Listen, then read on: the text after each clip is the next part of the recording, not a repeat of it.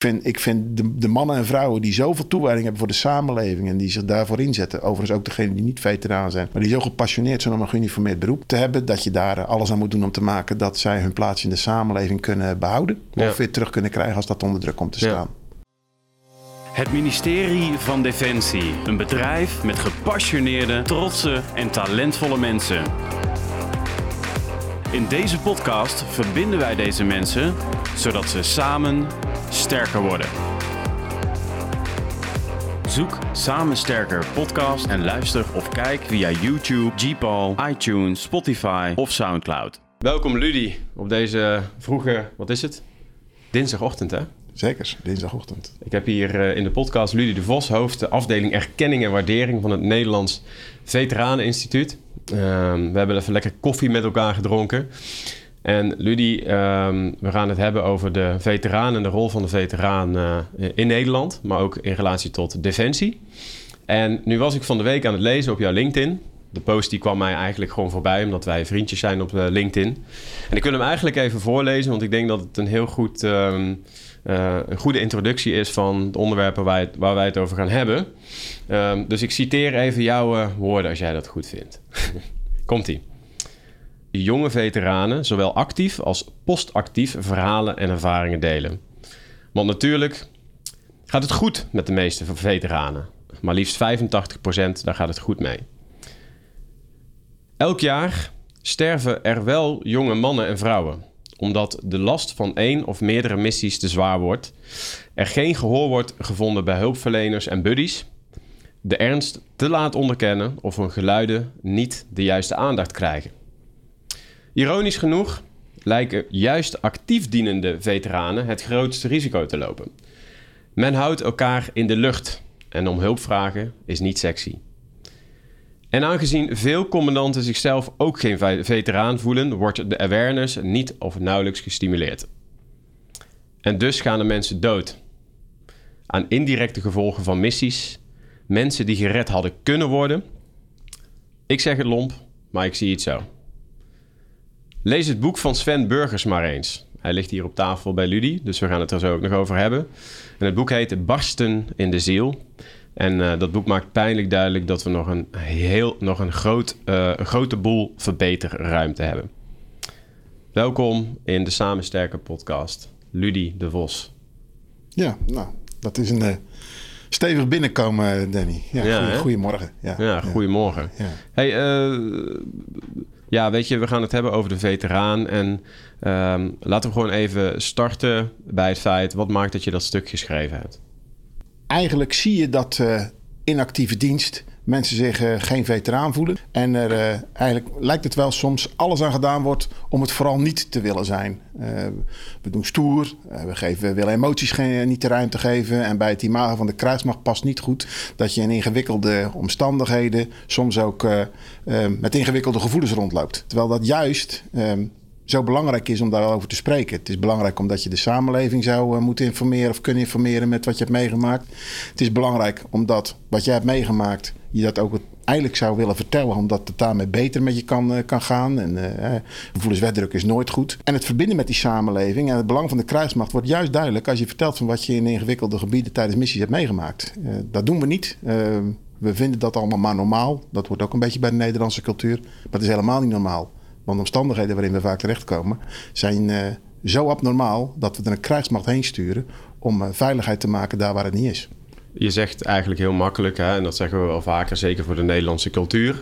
Eh, voor een eh, wat masculine cultuur als defensie is het lastig om te praten over gevoelens. Desalniettemin eh, zie ik steeds meer jonge generaties die het in mijn ogen, maar correct me if I'm wrong, makkelijker vinden om te praten over emoties. Waarom is dat dan nog steeds zo ontzettend moeilijk om te vertellen en te praten met elkaar over wat we meemaken? Nou, misschien is het niet zozeer moeilijk, maar in een organisatie waarbij je ziet dat we heel veel vacatures hebben, waarin we heel veel tegelijkertijd willen doen en de druk eigenlijk wel heel groot is vanuit het werk, is het heel makkelijk makkelijk om uiteindelijk even dat weg te duwen. Omdat je denkt van nou, praten, we praten er morgen wel over. Uh, aan de andere kant is het hartstikke tegenstrijdig. Want als je kijkt in de masculiniteitsindex, dat is een wereldwijde index waarin uh, zeg maar, uh, prestatie belangrijk wordt gevonden versus zeg maar, het samen, saamhorigheid. Staat Nederland als een van de toplanden in die, onderaan in de femininiteit. Dat wil zeggen een samenleving waar gezin, samen zijn, gevoel een grote rol spelen. Dus in die zin zou het natuurlijk zijn om juist meer over gevoelens te spreken. Maar de druk van alle dag, het heel veel dingen te, tegelijkertijd willen doen, uh, aangewakkerd door heel veel vacatures, maakt dat mensen vaak niet de tijd te nemen, voor nemen, uitstellen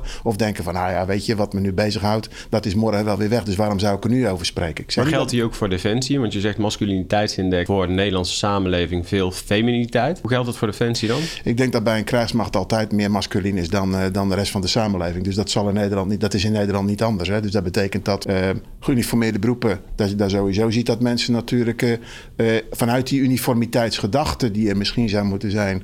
Uh, ja, toch wel wat meer uh, rechtlijnig zijn. Gevoel wat min, minder de overhand krijgt. Hè. Gevoel, um, emoties kun je negeren of kun je wegdrukken, is een veelgehoorde ja. kreet.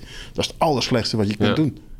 Ja, kou, de emoties kun je uitschakelen, zeiden we altijd. Ja, hè? Ja, ja. Dat heb ik en, bij de landmacht geleerd. Ja, dat, ja. emoties kun je uitschakelen. Maar ja, als je weet dat... Kijk, in emotie zit ook intuïtie. En op het moment dat jij in een gevaarlijke situatie zit... is juist de intuïtie iets wat je kan redden. Dus ook vanuit operationeel oogpunt zou je moeten afvragen... waarom zou ik die emoties uitschakelen? Uh, in emotie zitten je normen, waarden, deugden, alles wat ons maakt wie we zijn.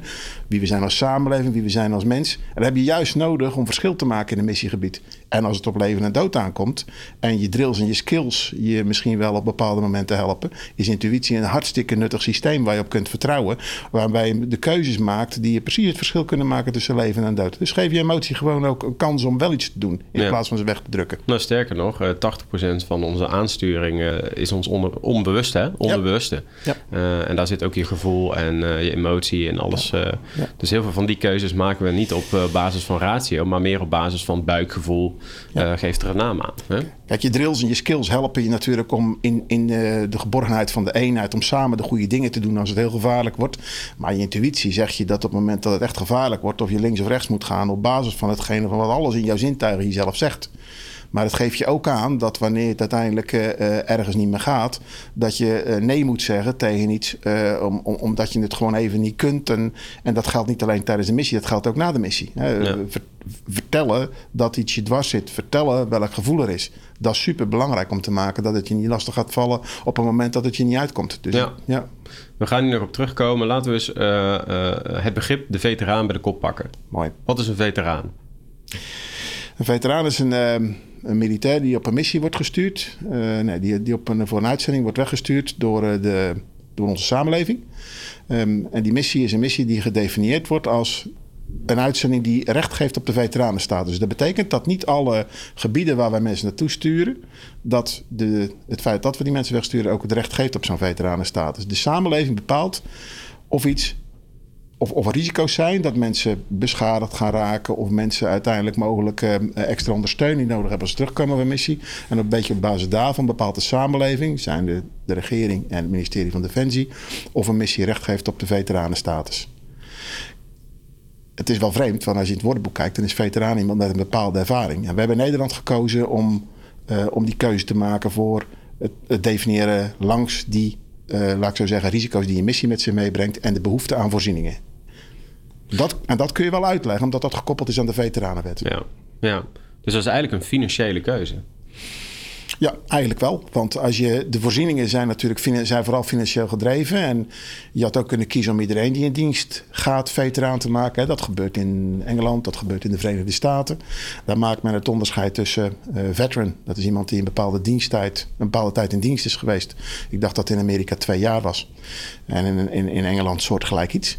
Um, en dan maak, in Amerika heb je dan ook nog de, de war veteran, iemand die op een missie weg is gestuurd. En de combat veteran voor iemand die in een gevechtssituatie is geweest. Wij hebben eigenlijk alleen maar war veterans.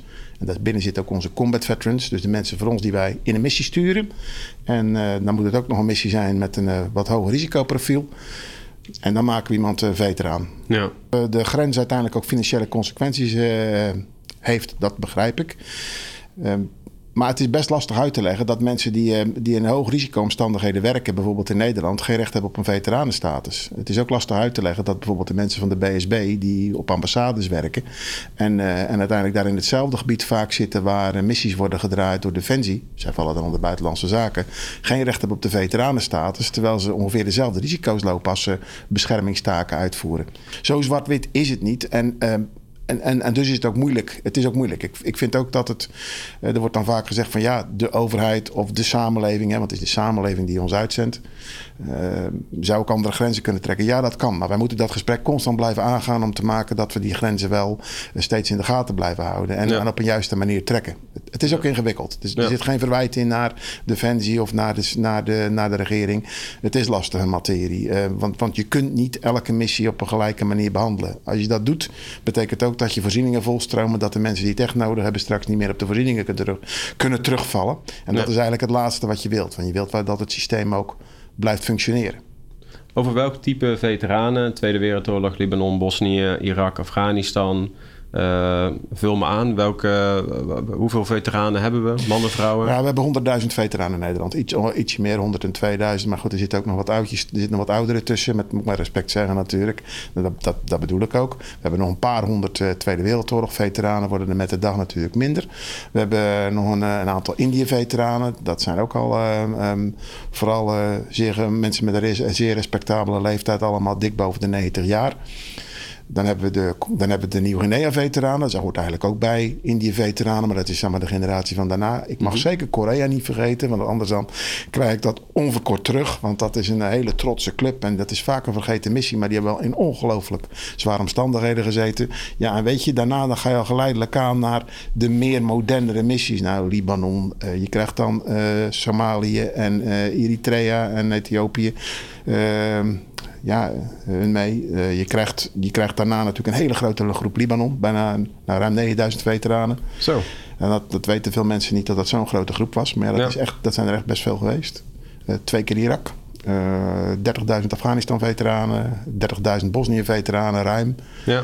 Dat, ja, een grote groep Mali natuurlijk tegenwoordig. Ja, en dan zijn er ook nog een heleboel kleinere missies die we, die we vaak niet noemen. Of missies die uiteindelijk officieel niet hebben bestaan. Hè. Als je, en dan hebben we het over, uh, uh, nou ja, uh, laat ik het zo zeggen, wat we nou noemen vaak de onbekende missies, zoals met een onderzeeboot. Die zijn er ook nog. En, dus we hebben er best wel veel gehad sinds de Tweede Wereldoorlog. Ja. Stel nou, ik neem mezelf als voorbeeld, ik val uit over een paar jaar. Dat zou zomaar kunnen, dat weet je niet het een en ander meegemaakt. Afghanistan, brandweer, et cetera. Uh, welke voorzieningen zijn er dan voor mij? Ik was op mijn 21ste al veteraan. Hè? Ook nog even ter verduidelijking. Uh, toen kwam ik terug uit de vraag. Nee, ik ben 1, 22 geworden in Afghanistan.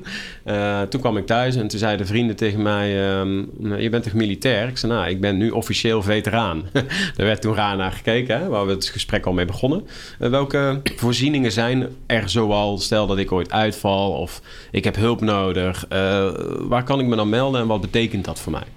De Veteranenwet, die is uit 2010, is in 2012 bekrachtigd in de Eerste Kamer. Die geeft eigenlijk een aantal voorzieningen. Die staan in het uitvoeringsbesluit. Uh, stukjes op het gebied van erkenning en waardering. Daar begin ik even mee. Erkenning en waardering zijn voor alle veteranen. En erkenning en waardering bestaan uit onder meer het blad Checkpoint, het dragen van een zichtbare onderscheiding, zoals het veteraneninsigne, eh, maar ook de lokale veteranendag of de landelijke veteranendag, de Nederlandse veteranendag in Den Haag. Een veteranenombudsman, een speciaal bureautje binnen het team van de nationale ombudsman die zich met veteranenzaken bezighoudt. Dat zijn voorzieningen die te maken hebben met erkenning en waardering. Maar ook het stimuleren op lokaal niveau van plaatsen waar mensen elkaar kunnen ontmoeten en hun verhalen kunnen vertellen, zoals ontmoetingscentra en inloophuizen. Dat hoort bij het stukje erkenning en waardering. Um, en die erkenning en waardering zijn ook belangrijk omdat je daar eh, sneller kunt signaleren dat het met iemand wel of niet goed gaat. Daar kun je niet vroeg genoeg mee beginnen. Dus, dus niet alleen thuis bij de mensen om je heen, maar ook op de plaats waar veteranen elkaar ontmoeten, kun je ook vaststellen of het nog goed met iemand gaat.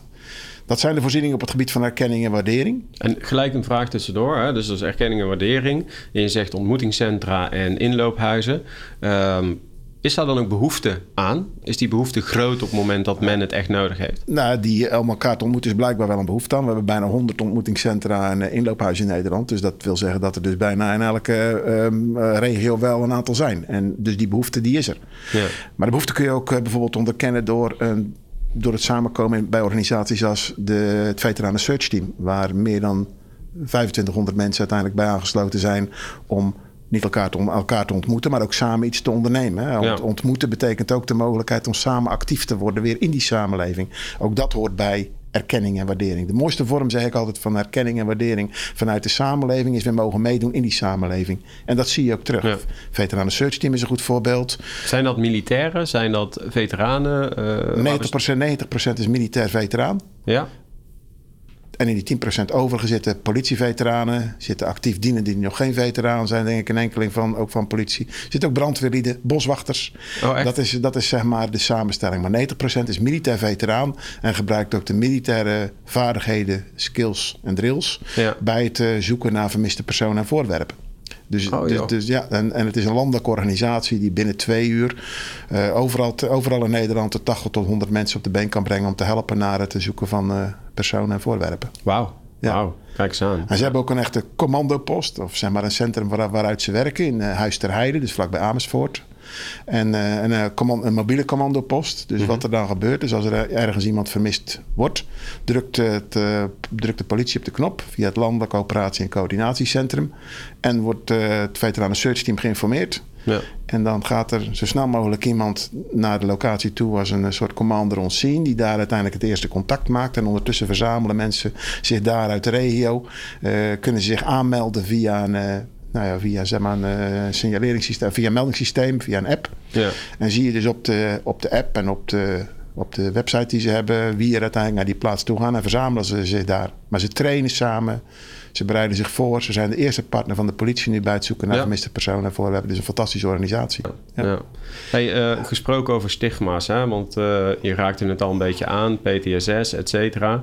Eh, ik las op internet, kwamen er wat termen naar voren als ik stigma en de veteraan. Psychische problemen, zwak en onzeker, gewelddadig, verslaving, economische uitdagen, uitdagingen en emotionele en sociale afstand. Dat kwam er naar voren. Zijn dat dingen die je vaker hoort? Ja, want dan gaan we natuurlijk naar het tweede deel van de Veteranenwet. Hè, want we hadden erkenning en waardering gehad. Yes. We hebben het ook nog over aandacht en zorg. Ehm, het kan natuurlijk zijn dat eh, als zo'n veteraan, eh, wij, terugkomen van missie... dat we merken dat er na verloop van tijd dat het niet goed met ons gaat. Meestal signaleren de mensen om ons heen, onze buddies, onze, onze families signaleren dat. Soms signaleer je het ook zelf. En de bedoeling is dan dat je natuurlijk daar iets mee gaat doen. Eh, binnen de kruismacht is dat ingewikkeld. Dat hebben we net al uitgelegd. Omdat mensen dat graag een beetje wegdrukken. En het ook niet sexy is om erover te spreken. Maar als je dat wel durft doen. Dan is er een, eh, een algemeen nummer bij het veteranenloket in, eh, in Doorn. Waar je kunt bellen. Ook als je actief dienend bent. En waar je kunt aangeven. Eigenlijk ga, heb ik het gevoel dat Ja. het niet goed met me gaat. en ik heb wat hulp nodig. Ja. Ehm, het kan ook zo zijn dat jouw buddy dat voor jou vindt. En ook die kan voor jou bellen naar Doorn. Of, jouw familie, of een familielid. En we hebben een nulderlijns ondersteuningssysteem. Dat zijn getrainde, eh, dat is getrainde buddy support, getrainde helpers. Overal in het land. Die als ze tegen mensen aanlopen die uiteindelijk gedrag vertonen. Waarvan we zeggen van ja weet je. Dat is in ieder geval iets waar je eens even over na zou moeten denken. Of dat wel bij je past wie je als mens bent. eh, die ook kunnen helpen om toegang tot de zorg te krijgen. ja. Waar kunnen mensen zoal op letten? Dat zijn, eh, nou ja, gedragsveranderingen zijn vaak dat mensen wat af, afstandelijk gaan worden, uiteindelijk sneller geïrriteerd gaan raken. Nou ja, in, in extremere vorm uiteindelijk onaangepast gedrag, huiselijk geweld, eh, gokken, eh, gebruik maken van verdovende middelen, drugs. Ja. Je ziet over het algemeen, de, de, de eerste reacties die we vaak zien, is dat mensen zich gaan nou ja, af, afkeren, afscheiden van alles wat hun dierbaar is. Dat is een soort jezelf terugtrekken onder het moment, ik los het zelf al op. Dat Ja. zijn wel de eerste signalen, eh, ja, de onverschilligheid, die erop wijzen dat er iets met je aan de hand is. En overigens, dat kun je ook bij actief dienenden vaak al merken. Dat als je dat binnen de eenheid merkt, zou je ook kunnen zeggen: Nou, ga eens even samen op een bank zitten om gewoon ook je, om eens te vertellen of het wel nog wel steeds goed met je gaat. Nee. En er is, er is niks. ehm, er is niks eh, zo erg als je dat niet doet. Kwets, kwetsbaar zijn is de grootste moed die je kunt hebben, eigenlijk. eh.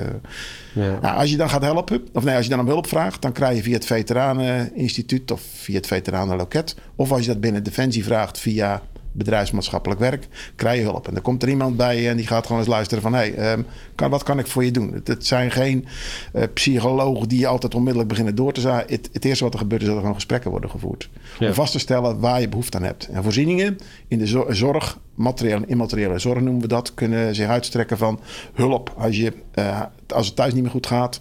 hulp als je bijvoorbeeld schulden krijgt. Hulp als je merkt dat het met jezelf niet goed gaat. Tot eh, als je aan de drank bent geraakt of problemen hebt met drugs hebt gekregen. Om Ja. te maken dat je weer je leven op orde krijgt. Hoe doen wij het in vergelijking met eh, andere landen? Eigenlijk zouden we moeten dus, eh, de vraag zou kunnen zijn: hoe ziet dat in de rest van de samenleving eruit? Ja. Het, het lijkt een hoog percentage, maar in de samenleving is natuurlijk, komt natuurlijk, komen natuurlijk ook traumatische ervaringen voor en allerlei gebeurtenissen. Daar is het percentage 6 tot 8 procent. Dus als je niet in, in de militaire organisatie zit, is de kans dat je te maken krijgt met traumatische ervaringen en effecten daarvan groter dan als je als militair op missie gaat Hoe kun je dat verklaren, joh? de training die we met elkaar hebben. Eh, blijkbaar is het systeem wat we hebben toch wel zo goed dat we mensen die dat, dat we mensen goed voorbereiden op missies. Ja. En eh, doen we toch ook wel heel veel om te maken dat ze, eh, als ze terugkomen, uiteindelijk ook goed geholpen kunnen worden. Ja. Dus dat was wel een opvallend, dat was wel een opvallend, opvallend percentage. Dat we ondanks alles wat we meemaken, toch nog lager zitten dan in de samenleving ja. Algemeen. Wel grappig, want eh, hè, wat ik straks al zei, we hadden even een voorgesprekje en ik zei van goh, eh, eh, dat ik wat onderzoek aan het doen was inderdaad naar hoe het gaat met de mentale gezondheid van mensen uit hoogrisicoberoepen en dan specifiek de militair. Daar kwam ook wel uit dat het ziekteverzuim niet heel veel hoger was eigenlijk dan de samenleving. Eh, dat we dat eigenlijk best wel goed doen. En ik denk, maar ook uit ervaring, wij zijn zo goed geëquipeerd als het gaat om mentale dan wel fysieke gezondheid. Hè. We hebben tandartsen, fysiotherapeuten, psychologen, alles in huis eigenlijk. Ehm, en ik denk dat dat er ook wel aan bijdraagt. Maar dat betekent eigenlijk dat het stigma gewoon bij deze ontkracht is. Dat lijkt zo. De vraag is of we, als we meten, alles goed kunnen meten. Eh, Ik, ik heb niet voor niks de bezorgdheid in, die, in, in dat bericht op Facebook en op LinkedIn eergisteren geplaatst. We houden elkaar ook in de lucht. En de vraag is of als wij meten, of we wel alles goed kunnen meten. Maar wat je wel ziet, is dat als mensen de militaire organisatie verlaten, dat ze het heel erg ingewikkeld vinden om in de samenleving te landen. En, ehm, en de vraag is dus, bij al die mensen die nog niet uiteindelijk in dat proces zitten, dat hun leven uiteindelijk eh, helemaal overhoop ligt, of daar niet uiteindelijk ook veel meer sluimerende risico's nog zitten. En die komen natuurlijk als je het over posttraumatische stress hebt, en dat is eigenlijk, om het makkelijk te zeggen, een fase waarin je niet meer zelf controle hebt over je psychisch welbevinden, dan, dan heb je pas PTSS. Er zitten nog heel veel stappen voor. Als het niet meer goed met je gaat, begint dat met een heel klein beetje niet meer goed gaan. En afhankelijk van de bereidheid om er zelf iets mee te doen en mensen die je daarin helpen, kom je uiteindelijk in een, in, vanzelf in een soort flow. Eh, een aantal mensen gaat weer terug en daar gaat het uiteindelijk weer wel goed mee. Maar soms raak je ook in zo'n negatieve flow waarbij je uiteindelijk wel uiteindelijk niet meer de controle hebt. We hadden het over de rol van het Veteraneninstituut. Hè. We hebben het gehad over erkenning en waardering, aandacht en zorg. Ja. Eh, wat doen jullie nog meer? We doen een heleboel. We hebben, eh, we hebben eigenlijk zorg natuurlijk langs verschillende lijntjes. We helpen mensen dus met zorgcoördinatoren, maatschappelijk werkers. We hebben ook eh, we faciliteren ontmoetingen. Dat doen we in Doorn zelf, maar dat doen we ook. We helpen ook de ontmoetingscentra en de inloophuizen waar we kunnen om het makkelijker te maken, meer bekendheid te geven. We doen onderzoek. We zijn eh, in Nederland de leidende organisatie. Daarom heten we ook Nederlands Veteranen Instituut. Op het gebied van kennis over veteranen. Dat willen we ook graag zijn. Dat betekent ook dat we in internationale fora, dus in de wereld uiteindelijk met andere landen spreken over hoe zij veteranenzaken invullen. En proberen de ervaringen daarop te pikken om te kijken of dat bij Nederland past. En omgekeerd delen wij ook onze ervaringen in andere landen. Dus daar hebben we een expertisecentrum voor. Wat we bijvoorbeeld doen is verhalen van veteranen borgen voor later. We hebben een, eh, een, een prachtige interviewcollectie met meer dan 1200 unieke verhalen van veteranen van allerlei soorten en maten van de Tweede Wereldoorlog. eh, die we bewaren en die ook van buitenaf benaderbaar zijn en waar je kunt horen over missies vanaf de Tweede Wereldoorlog tot nu. Wat goed. Ja, en, eh, en, en daarmee willen we natuurlijk ook in de samenleving, maar ook voor, vetera voor andere veteranen, voor jongere veteranen, blijven bewaren van wat er ooit is geweest. Vanaf de stranden van Normandië, zeg ik altijd, tot, eh, tot Mali zitten daarin. Ja. Ehm, we hebben een thuisfrontdesk. We zien ook dat, wat wij net al signaleren, dat militairen vaak met elkaar ervaringen delen, maar niet met thuis. Dus hebben we gemeend dat er ook een apart bureautje moet zijn waar we ervaringen van thuis kunnen delen. Waar ehm, het thuisfront met elkaar in gesprek kan gaan. En thuisfront kan familie zijn, maar dat kan ook diegene zijn die de rolstoel doet van iemand. Of, de, of iemand die uiteindelijk zorg geeft aan een, aan een jong of een oude veteraan. Thuisfront is een redelijk breed begrip. Dus daar hebben we een aparte locatie waar mensen uiteindelijk daar contact kunnen maken. Daar, Ja. daar organiseren we ook aparte activiteiten voor. Ja, verder stimuleren we activiteiten zoals reunies, helpen daarbij om dat te organiseren. We hebben contact met de veteranen begraafplaats in, in, in Loenen. We helpen bij het uitreiken van onderscheidingen. We werken met de bureautjes veteranenzaken van de krijgsmacht samen. En eigenlijk proberen wij voor Defensie dat als de mensen over de schutting stappen en uiteindelijk postactief worden, om dan de rol over te nemen en, en, en zo goed mogelijk uiteindelijk te zorgen voor die mensen die namens Defensie uiteindelijk hebben gewerkt in die complexe missies. Ja, Dus dat is in, de meeste, in, de, in de breedste zin van het woord. Mooi, mooi. Hey, waar ik benieuwd naar ben, ehm, eh, jouw functie, uh, wat ik al zei, uh, jij bent hoofderkenning en waardering. Ja. Ehm, wat is jouw drijfveer om je werk te doen? Ja, wat, wat is mijn drijfveer? Dat, dat, nou, dat klinkt misschien wel heel bazaal. Toen ik, toen ik uh, op de militaire academie begon in 1983, heb ik ooit mezelf voorgenomen um, om, om als ik ooit in een positie zou zijn om verschil te kunnen maken voor de mensen waarmee ik uiteindelijk ben begonnen, om dat te gaan doen. En ik had nooit gedacht dat het Veteraneninstituut me die mogelijkheid zou bieden. Maar toen ik in 2016 directeur werd van de voorganger van het huidige Nederlands Veteraneninstituut, dat heette toen nog Veteraneninstituut, merkte ik dat daar mijn hart lag. Dat ik de mannen en de vrouwen waarmee ik op pad was geweest, misschien wel zou kunnen helpen door uiteindelijk meer bekendheid te geven wat ze zouden doen. En uiteindelijk ook de samenleving beter zou kunnen informeren over waarom het zo belangrijk is dat we nog steeds mannen en vrouwen hebben die bereid zijn om dat extra voor die samenleving te doen. Dat is eigenlijk mijn drijfveer. Ik vind, ik vind de, de, mannen en vrouwen die zoveel toewijding hebben voor de samenleving en die zich daarvoor inzetten, overigens ook degenen die niet veteraan zijn, maar die zo gepassioneerd zijn om een geuniformeerd beroep hebben, dat je daar alles aan moet doen om te maken dat zij hun plaats in de samenleving kunnen behouden of weer terug kunnen krijgen als dat onder druk komt te staan. Hey, wat, wat, wat, wat is er nodig? Uh, uh, wat staat er bij jou heel hoog op de agenda op dit moment uh, als het gaat om het Veteraneninstituut? Ja, belangrijk is voor ons de jonge veteranen bereiken. En ik weet dat heel veel van de mensen hier die, de die bij de podcast, uh, die de podcast beluisteren, waarschijnlijk in actieve dienst zitten. En, en, en dat zou, die zou ik echt gewoon de boodschap mee willen geven. Mannen en vrouwen, wacht niet totdat je de organisatie verlaat met het, met het veteraan willen en durven zijn. Ve Veteraan is vooral voor mij ook iemand met ervaring, met, met kostbare ervaring die je moet willen delen. En daar moet je niet mee wachten. Als je die ervaring bij je draagt, deel dat met de mensen om je heen. Deel dat met de samenleving. En wees er trots op dat je uiteindelijk iets hebt gezien um, en, en, en iets hebt betekend wat een ander niet heeft gehad. Maar wees er ook niet arrogant door. Dus, dus deel vooral die ervaringen die je bij je draagt, omdat het, omdat het je helpt om zelf in vorm te blijven, omdat het meer betekenis geeft in de samenleving dan wat je hebt gedaan en omdat je daarmee ook in de samenleving beter wordt begrepen. Dus, dus dat is een hele belangrijke taak die we als Veteraneninstituut onszelf nu hebben opgelegd. Laten we vooral um, ook de jongeren erbij betrekken. En niet wachten totdat ze 40, 50 zijn en met problemen kampen. Uh, Het is best ingewikkeld, omdat je ziet dat in de krijgsmacht veel commandanten zichzelf ook geen veteraan voelen. En die, die hebben we echt nodig om ook, uh, om ook hun mensen daartoe uh, te stimuleren. Dus ja. ik hoop ook dat zij strakjes voelen dat commandant niet stopt bij de missie, maar ze ook commandant blijven voor altijd. Ja. Dat, dat hoop ik ook. Mooi.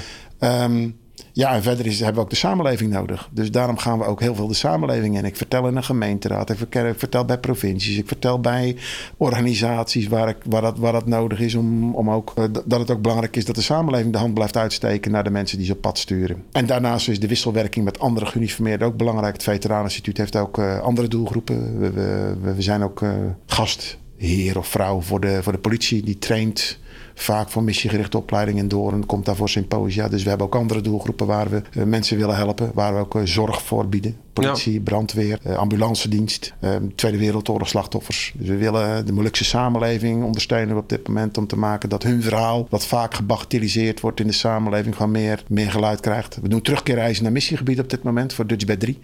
Elk jaar doen we vanaf nu 20 zo'n 20 terugkeerreizen waarbij we mensen naar missiegebieden laten gaan. Maar dat doen we ook voor Libanon. Uh, dat doen we ook voor, uh, dat doen we ook voor Nederlands-Indië. Wat, wat levert dat op, zo'n terugkeerreis? Ja, hele bijzondere ervaringen.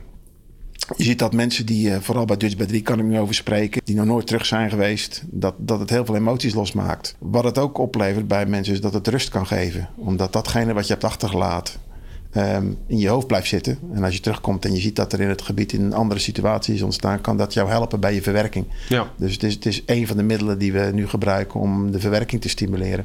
Prachtig. het is mooi ja. ook om te zien hoe dat werkt bij de mannen en vrouwen die, die de moed hebben om te gaan. 900 mensen hebben zich daarvoor aangemeld. En de komende vijf jaar gaan we die 900 mensen terugbrengen. En, uh, en er zullen er nog meer zijn die zich nog niet hebben aangemeld. Ik denk dat er nog veel meer komen. Ja. Maar dat, is, dat is een heel mooi instrument om mensen te helpen om hun plaats in de samenleving weer op, die, op, op, op een goede manier in te kunnen nemen. Maar we zijn eigenlijk best goed bezig als ik dat zo hoor, hè? Op, uh, op die vlakken. Ja, maar zo, als ik al zolang er nog mannen en vrouwen zijn die na een missie uiteindelijk uh, de moed verliezen uiteindelijk in een neerwaartse spiraal terechtkomen, zodat ze het uiteindelijk niet meer zien zitten en uh, besluiten om, uh, om niet meer langer door te gaan met het leven, mogen we niet stoppen. Je, je bent nooit goed genoeg als er nog steeds mensen uiteindelijk niet de gevolgen van de missie kunnen dragen. Ik weet dat er op dit moment mensen zijn die, niet, die, die geen zorg willen. Die ook denken dat het zorgsysteem, nee, die ook voelen dat het zorgsysteem voor hun nergens past. Ja.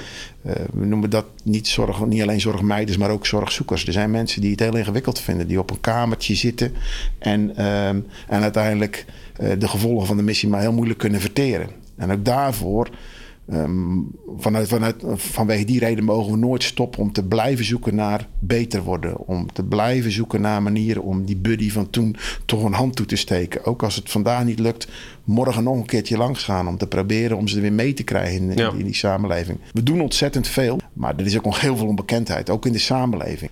we doen ontzettend veel, maar bij jonge, met veel jonge veteranen bestaat nog niet het gevoel dat veteraan zijn sexy is. Nee, Terwijl ik zeg van, het hoeft voor mij niet sexy te zijn. Maar je mag er wel een beetje trots op zijn, want je hebt wel heel bijzondere dingen meegemaakt. En, en, die, en die, die verdienen het ook om verteld te worden op een lokale veteranendag.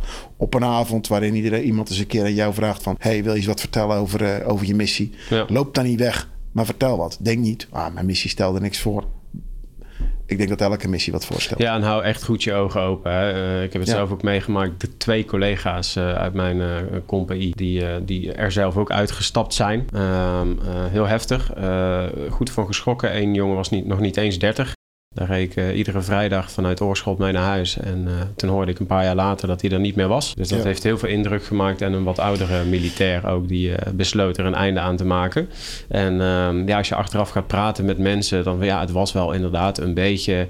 Het ging niet helemaal lekker, maar ja... en dan praat ik nu over bijna 15 jaar geleden ik ben wel heel blij nu dat er initiatieven ontstaan. Wat jullie doen, dat KNAK er is, uh, Peace Leaders, uh, Basecamp, uh, Afhangen zag ik laatst voorbij komen. Van alles die eigenlijk meer aandacht vragen, net zoals het Veteraneninstituut voor uh, voor deze onderwerpen. Want dat gaat me wel heel erg aan het hart. Je hebt hier een boek liggen. Uh, we refereerden er in het begin eigenlijk al aan. Het boek uh, Barsten in de ziel van Sven Burgers. Dat heb je niet voor niks meegenomen, Ludie? Nee, heb ik niet voor niks meegenomen. Daar was ook die post natuurlijk twee dagen geleden aan, aan gekoppeld. Je had het erover, Danny, dat, dat je zelf ervaringen hebt met mensen die uiteindelijk geen andere uitweg meer zagen dan het leven te nemen. Ik ben vanuit mijn Srebrenica dat ben ik ook twee mensen kwijtgeraakt. Waarbij ik twee jaar geleden iemand uit mensonterende omstandigheden, die uiteindelijk nog wel op, net op het goede moment nog de laatste respectvolle eer hebben kunnen, kunnen tonen. Barst in je ziel gaat over een, uh, een, een man die in actieve dienst uiteindelijk niet de hulp heeft gevonden op de manier zoals hij dat had.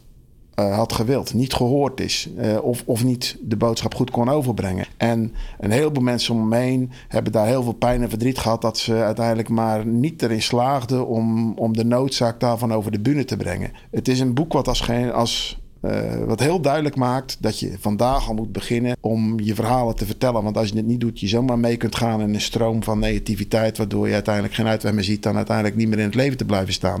En dat kan nooit de, dat kan nooit de bedoeling zijn. En dit boek gaat over actief dienende mannen en vrouwen en alles wat zij meemaken en hoe lastig het soms is in actieve dienst om uiteindelijk, als je hard help roept, ook gehoor daarvoor te krijgen. Alles wat we, waar we het net over hebben gehad, komt eigenlijk in dit boek samen. En daarom ben ik ook Sven uh, en al die andere mannen en vrouwen die eromheen zitten, want het zijn er veel meer die me hebben meegewerkt aan dit boek, heel dankbaar dat ze het boek hebben geschreven. En tegelijkertijd ben, worden we, ja, zijn we best wel verdrietig dat dat wat in het boek staat misschien wel voorkomen had kunnen worden als we met z'n allen een beetje beter hadden opgelet. En, en, en de boodschap van het boek is: let vooral heel goed op. Je hebt het net zelf ook al gezegd. Dat als mensen uiteindelijk van gedrag gaan veranderen, dat je het tijdig over de bühne brengt. En hou nooit op om de hulpverleners die er iets mee kunnen doen, om die te blijven prikken en prikkelen. Dat ze toch vooral daar aandacht aan moeten geven. Ja, goede zaak. Goede zaak. Praat erover, hè? wat uh, Rinaldo en Isaac ook, uh, Rinaldo, Isaac en Robin ook zeggen. Heb ik jou een vraag nog niet gesteld, Ludie? Um, We hebben zoveel al besproken. nou ja, misschien um, zou je ook kunnen zeggen... Zij had je nog kunnen vragen van... wat doe je behalve dan uiteindelijk in je werk... om jezelf uh, geestelijk fit te houden? Ja, dat is nog wel mooi, een leuke. Mooi. Um, vertel, kijk, we, vertel. Zitten, we zitten natuurlijk in een tijd waarin duurzaam, gezond inzetbaar en we uh, nadenken over, uh, over, over mind en over body heel belangrijk is. Um, mijn uitlaatklep en mijn manier om uiteindelijk ook geestelijk fit te blijven is ik, ik heb ook nog een boerderij. Ik ben uh, nog een soort hobbyboer, zoals dat heet. En toen mijn vader in 2014 overleed, had, was hij uh, al een tijdje gepensioneerd, maar hadden we nog steeds een boerderij. En die heb ik van hem overgenomen. En ik run sinds 2014 run ik een boerenbedrijf, een akkerbouwbedrijf in Zeeland. En op het moment dat ik met zware onderwerpen bezig ben in veteranenland en ik mijn hoofdleven wil maken, dan ga ik naar de boerderij. En dan loop ik daar over de, de akkers, over de velden, haal een frisse neus langs de zeedijk achter de boerderij. En as we speak wordt er een nieuw dak op mijn boerderij gelegd. En ik bezig om die boerderij een bestemming te gaan geven voor wat andere zaken. Misschien zelfs wel in veteranenland. Maar de boerderij, de, alles waar het voor staat, de natuur, de, de frisse lucht, de bloemetjes, het zorgen voor flora en fauna zijn voor mij mijn uitlaatklep waar ik mijn hoofd leeg kan maken als ik uh, met veel ingewikkelde situaties te maken heb. Mooi kom, man. Kom er net, ik, kom, ik kom er net vandaan, maar als je dus op mijn socials ziet staan, zie je ook staan dat ik uh, werk voor het Veteraneninstituut. Ik ben nog actief in het militair. Ik, mag daar al, ik werk er al zeven jaar, maar dat ik ook boer ben. Nou, ben. Dus dan, ja, ja, ja. Dan, weet, dan, dan weten de luisteraars ook hoe je dat uit moet leggen. Uh, ik ben een boerenzoon ik, en, en ik run dus nog een actief boerenbedrijf en dat is super leuk om te doen. En, en de moraal van dat verhaal is: zoek iets waar je je hoofd leeg kunt maken. En voor mij is dat uh, in de Zeeuwse frisse lucht uiteindelijk uh, op de boerderij allemaal uh, akkerbouwdingen doen. Prachtig, joh. Ja. Prachtig. En ja, weet je, en het werkt ook helend. Hè? Ja. De natuur is gewoon bewezen. Hè? Ga alsjeblieft iedere dag minimaal een uur in de natuur wandelen. Ja. ik kom er nooit eigenlijk aan, maar ik nee. probeer toch wel regelmatig eventjes een rondje te gaan hardlopen of te wandelen. Ja. Of even de vergezichten uh, tot je te nemen. Even te vertragen, zeg ja. ik wel eens. Hè? Uh, want, want de maatschappij is wel zo snel. En uh, we denken vaak wel aan hele erge trauma's en oorlogsmomenten. of, of, of voor onze politiemannen en vrouwen en brandweer. Maar toch Um, ook voor mensen die gewoon, ik noem het wel eens de bedrijfsatleten, die gewoon op kantoor werken. De werkdruk die er ontstaat, sociaal onveilige situaties, mensen die heel hard moeten werken. Ook voor hen is uh, het boerenland of het bos of mediteren of yoga of hardlopen of wat je ook doet of een boek lezen, is natuurlijk een stuk vertragen. Uh, ja. En dat, dat, dat, dat moeten we, dat durf ik echt zeggen, te zeggen, uh, moeten we echt meer gaan doen. Want we zijn echt al een beetje over onze grenzen aan het gaan, merk ik in mijn, in mijn omgeving. Ja, Um, de ingewikkelde dingen in het leven vallen ons vaak langer lastig. En op het moment dat je bewust zoekt naar moment om je hoofd leeg te maken, kun je het positieve wat er in het leven is en wat er altijd wel te vinden is, uiteindelijk veel meer ruimte geven. Focus op iets positiefs in je leven. Focus ook, dat doe je tijdens een missie. Zorg dat je zeg maar, de ingewikkelde dingen, de negativiteit niet de het voortouw neemt. Is heel belangrijk om niet alleen tijdens een missie, maar ook daarna gewoon uh, tot, een, tot zo positief mogelijk effect te komen. Wil je je doel bereiken, laat je dan niet lastigvallen door het negatieve en probeer je momenten van ontspanning niet alleen tijdens een missie of daarna, maar ook in het leven in het algemeen altijd te creëren. Probeer de plaats of het moment waardoor je een fris hoofd krijgt, uiteindelijk te vinden. Die is er voor iedereen. Uh, ja. Ook als je niet, een, niet een, de luxe hebt als dat je naar het platteland toe kunt. En sommigen vinden dat misschien helemaal niks. Maar je hebt allemaal wel je plaats waar je uiteindelijk een fris hoofd kunt halen. Of je, of je moment of je methode waarmee je dat kunt. Stel dat niet uit tot morgen, maar zorg dat je elke dag van die momenten creëert, waardoor je uiteindelijk ook geestelijk lenig blijft. Dat is super belangrijk. Ja. Mooi, mooi. Ik ga hem proberen samen te vatten. Um, het Veteraneninstituut, erkenning en waardering. Uh, we hebben het gehad over het blad Checkpoint, over de Veteranenombudsman. Uh, het, het, stimuleren van ontmoetingscentra en de inloophuizen. Uh, Aandacht en zorg hebben we het over gehad. Um, er is een nummer in Doren wat gebeld kan worden. Dat gaan we ook in de show notes zetten. Uh, de nulde lijnsondersteuning, maar ook uh, uh, bedrijfsmaatschappelijk werk binnen Defensie. En wat ik ook heel mooi vond om te horen van jou, natuurlijk de thuisfrontdesk, maar ook wat veteranen allemaal terugdoen, zoals de veteranen search teams, het lesgeven in het onderwijs, de dilemma-programma's al daar. en wat ik ook heel gaaf vind, ook eerder een podcastgast die daarover vertelde, over de terugkeerreizen. Uh, ja, misschien wel als laatste zin en vul mij aan. Um, ja, uh, heb oog voor elkaar. En uh, houd de signalen als er gedragsveranderingen zijn, houd ze in de gaten. Uh, en deel verhalen met elkaar. En kwetsbaarheid is dapperheid, ja. zeg ik altijd. Ja. Ja. Zoek ook iemand gewoon in je omgeving die je daar zou, die uh, van je zegt van hey, hou me vooral een beetje in de gaten. Durf dat gewoon. Er is niks, uh, kwet, er is niks, uh, laat ik zeggen, hoe moet ik het zeggen? Ja, het, het is, er is veel moed voor nodig om het, om het te doen, om hulp te zoeken. Maar het is vooral belangrijk dat je mensen hebt die uiteindelijk jou een spiegel voor durven houden als je uiteindelijk ander gedrag gaat vertonen. Daar kan ik niet vaak genoeg zeggen. Dat vind ik super belangrijk. Ja, bij mij is dat mijn echtgenote. En uh, ja, ik ben blij dat zij dat ook uh, voor mij altijd doet. En uh, ik vind het wel eens niet leuk dat, het, dat er wat aan wordt verteld als ik, me, als, ik, als ik me net wat anders gedraag. Maar het is wel even goed om jezelf dan weer eventjes te resetten en even te herijken en af te vragen of je er niet iets mee zou moeten doen. Mooi, daar heb ik niks meer aan toe te voegen. Ludie, hartstikke bedankt en heel veel succes met jouw missie en wat je allemaal aan het doen bent binnen het Veteraneninstituut. En um, ja, dankjewel. Fijne podcast. Ja, het was een ja, groot genoeg om hier te mogen zijn. En uh, ja, mocht het nog eens een keer nodig zijn, ik, uh, kom graag nog een keertje terug. En als mensen uiteindelijk mij willen benaderen met, uh, met vragen of, of, of, ideeën, schroom niet. of ook als je helemaal niks vindt wat ik hier heb verteld, of het er niet mee eens bent, mag ook gewoon gezegd worden. Ik bedoel, laat het dan ook horen. Laat het dan ook gewoon horen. Ik bedoel, ja. we, we, bij het Veteranenstituut willen we ook vooral openstaan voor ideeën, maar ook vooral horen als bepaalde zaken beter niet gezegd kunnen worden. Dus gezonde kritiek is ook goed. En als jullie zeggen van nou, ik heb vragen, schroom niet, bel het Ik weet zelfs het nummer uit mijn hoofd. Dat is ook wel, uh, maar dat zal ik straks ook nog aan Danny, uh, aan Danny nog een keertje geven. 088 34 uh, 50000. Dus dat is het uh, nummer in, in Doorn. Maar we zullen het ook nog een keer op de site zetten. Het algemene nummer waar je veteranen van het Veteranenstuurt... waar je altijd terecht kunt met vragen, met ideeën. Voor vragen voor hulp. Je kunt daar altijd bellen. Dus dat geen enkel probleem. Dankjewel, Ludie.